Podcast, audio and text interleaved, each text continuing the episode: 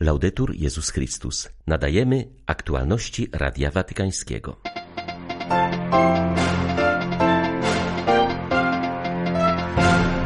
Relacja z Bogiem niech będzie ufna, a nie chłodna, wskazał dziś papież Franciszek. Ojciec Święty apeluje o natychmiastowe zawieszenie broni w strefie gazy.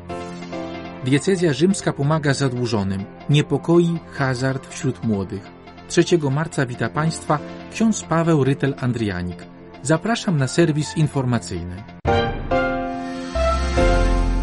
Ojciec Święty zachęca, aby relacja z Bogiem była bliska i ufna, a nie komercyjna i chłodna. Franciszek zaproponował zwrócenie uwagi na kontrast, jaki jest między domem a targowiskiem w komentarzu do Ewangelii o wyrzuceniu przekupniów ze świątyni.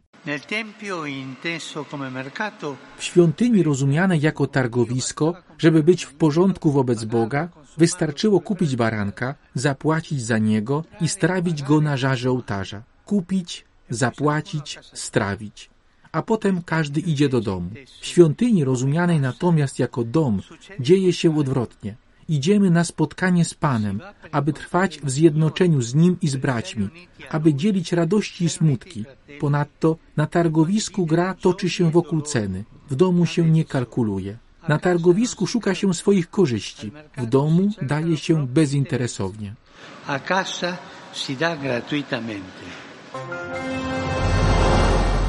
Zachęcam do kontynuowania negocjacji w sprawie natychmiastowego zawieszenia broni w strefie gazy i w całym regionie, apelował po modlitwie Anioł Pański papież Franciszek. Prosił o to, aby zakładnicy porwani z Izraela mogli zostać natychmiast uwolnieni i powrócić do swoich bliskich, a ludność cywilna w strefie gazy mogła mieć bezpieczny dostęp do pilnie potrzebnej pomocy humanitarnej.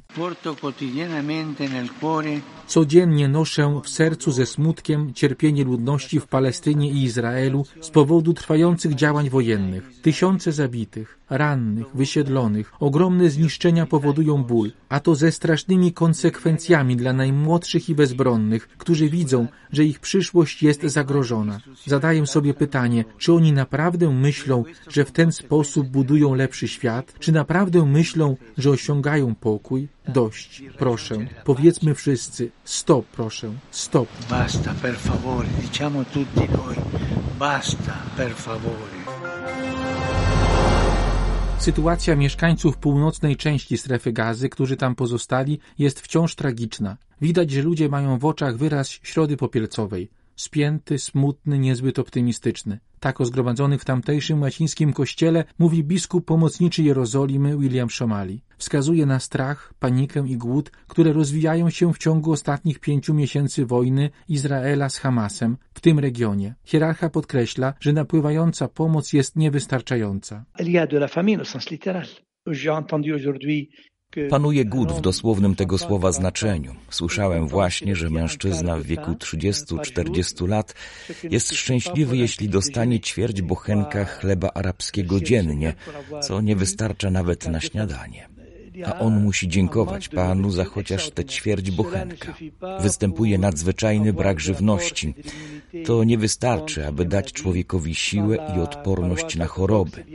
W parafii prawosławnej niektórzy chorują na zapalenie wątroby. Może to być spowodowane brakiem czystej wody, brakiem odpowiedniego pożywienia, brakiem higieny nie mają wystarczającej ilości wody do mycia, a nawet do picia. Można się więc spodziewać wielu chorób. Biskup Szomali opowiada również Radiu Watykańskiemu o działaniach Kościoła na rzecz cierpiącej ludności. Nasze modlitwy nie zaowocowały pokojem, rozejmem czy zawieszeniem broni, ale akty solidarności są podejmowane. I to, musimy powiedzieć prawdę, nie tylko ze strony chrześcijan, ale także licznych krajów jak Egipt czy Jordania. Na przykład 24 grudnia Jordania wysłała samolot wojskowy, aby dostarczyć tony żywności naszym chrześcijanom na północy strefy gazy. Wiele darowizn przychodzi do nas od kościołów, parafii, wspólnot lub osób prywatnych, które odczuwają smutek, widząc zdjęcia lub filmy z gazy w telewizji czy w mediach. Objawia się w tym wiele solidarności i jesteśmy za to wdzięczni.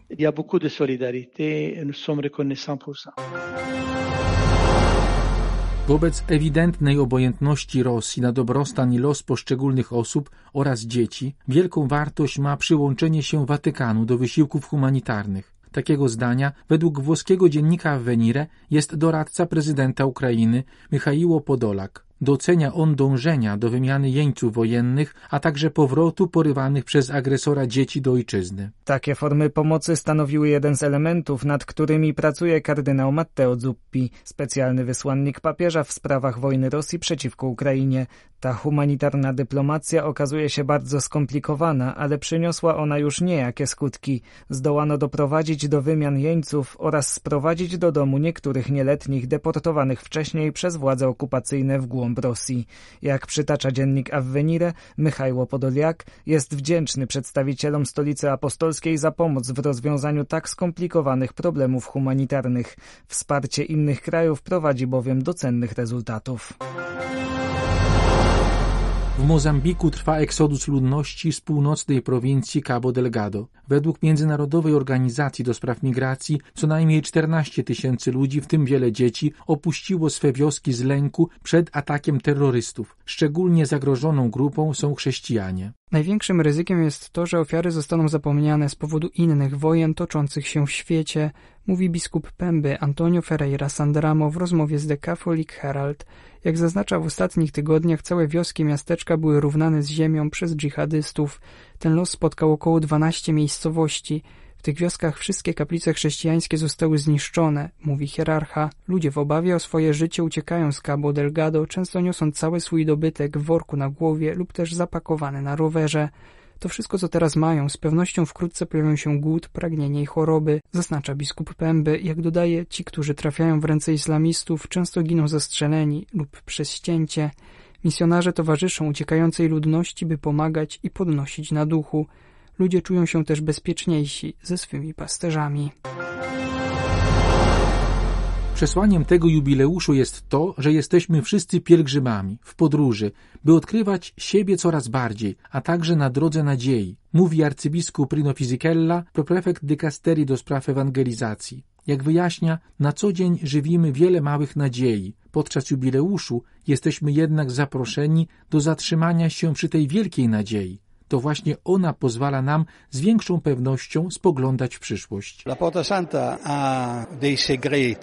Drzwi święte kryją w sobie tajemnice, które niejednokrotnie trzeba odkrywać na nowo. Na przykład nie każdy wie, że nie można ich otworzyć, ponieważ klucz do nich jest zamurowany w ścianie stawianej każdorazowo po ich zamknięciu.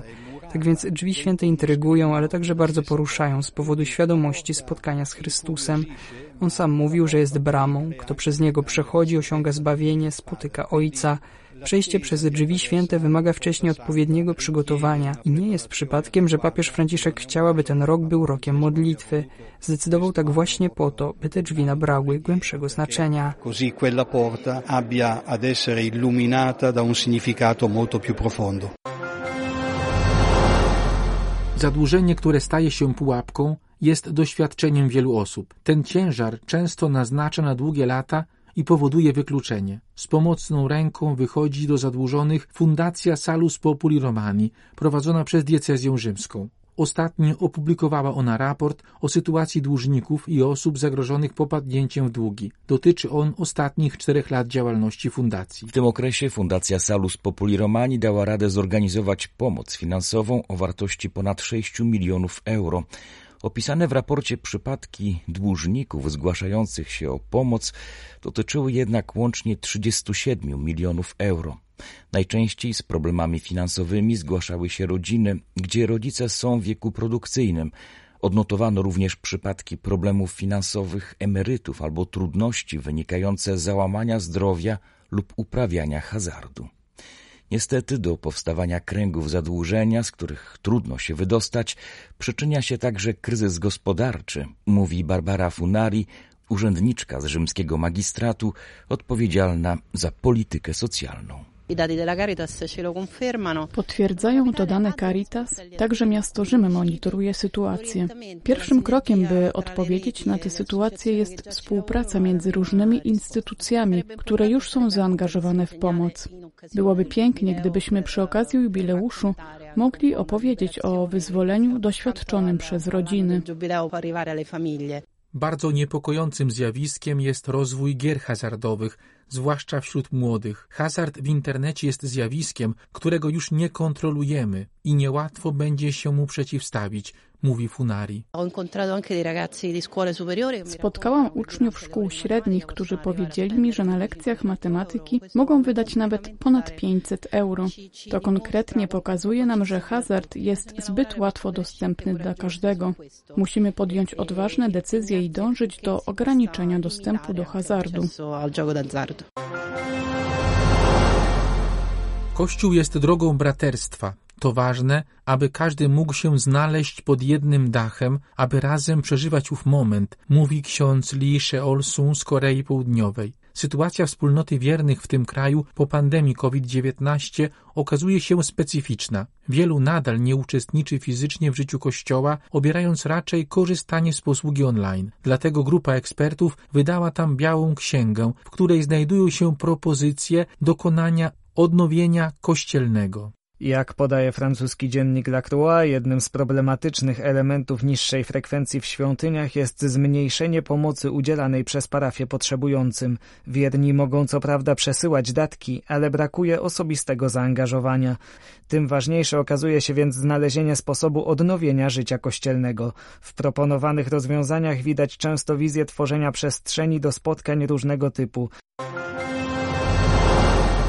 Obudowanie społeczeństwa solidarnego, które nie wyklucza z naszej społeczności najmłodszych niewinnych dzieci żyjących pod sercem matki oraz o uszanowanie ich podstawowego prawa do życia oraz o profesjonalne i kompleksowe wspieranie ich rodziców apeluje w wydanym wczoraj dokumencie przewodniczący Konferencji Episkopatu Polski arcybiskup Stanisław Gondecki. Relacjonuje ten apel ksiądz Leszek Gęsiak, rzecznik Episkopatu Polski. Jest niepodważalnym faktem potwierdzonym przez aktualny stan nauk biologicznych, że życie człowieka zaczyna się od jego poczęcia, czyli połączenia się komórek rodzicielskich. Przewodniczący episkopatu wskazał, że ochrona życia jest zgodna z wartościami ogólnoludzkimi i chrześcijańskimi, które leżą u fundamentów naszego ustroju i znajdują się także w naszej konstytucji, która zapewnia każdemu człowiekowi prawną ochronę życia. Jan Paweł II Teologia ciała jeśli bezrzędność dla Królestwa Niebieskiego oznacza ponad wszelką wątpliwość wyrzeczenie, to wyrzeczenie to jest równocześnie afirmacją.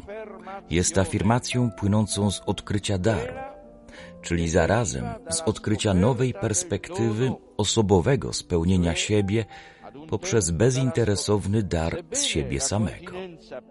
Chociaż bezrzędność dla Królestwa Niebieskiego utożsamia się z konsekwentnym wyrzeczeniem się małżeństwa, które w życiu mężczyzny i kobiety daje początek własnej rodzinie, w bezrzędności takiej nie można żadną miarą widzieć negacji istotnej wartości małżeństwa.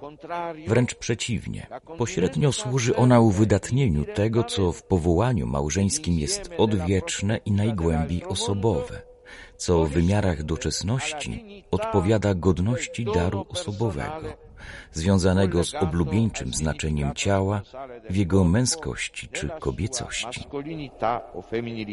Całość katechezy o teologii ciała na polskiej stronie Vatican News, w YouTube oraz głównych platformach podcastowych. Były to aktualności Radia Watykańskiego. Laudetur Jezus Chrystus.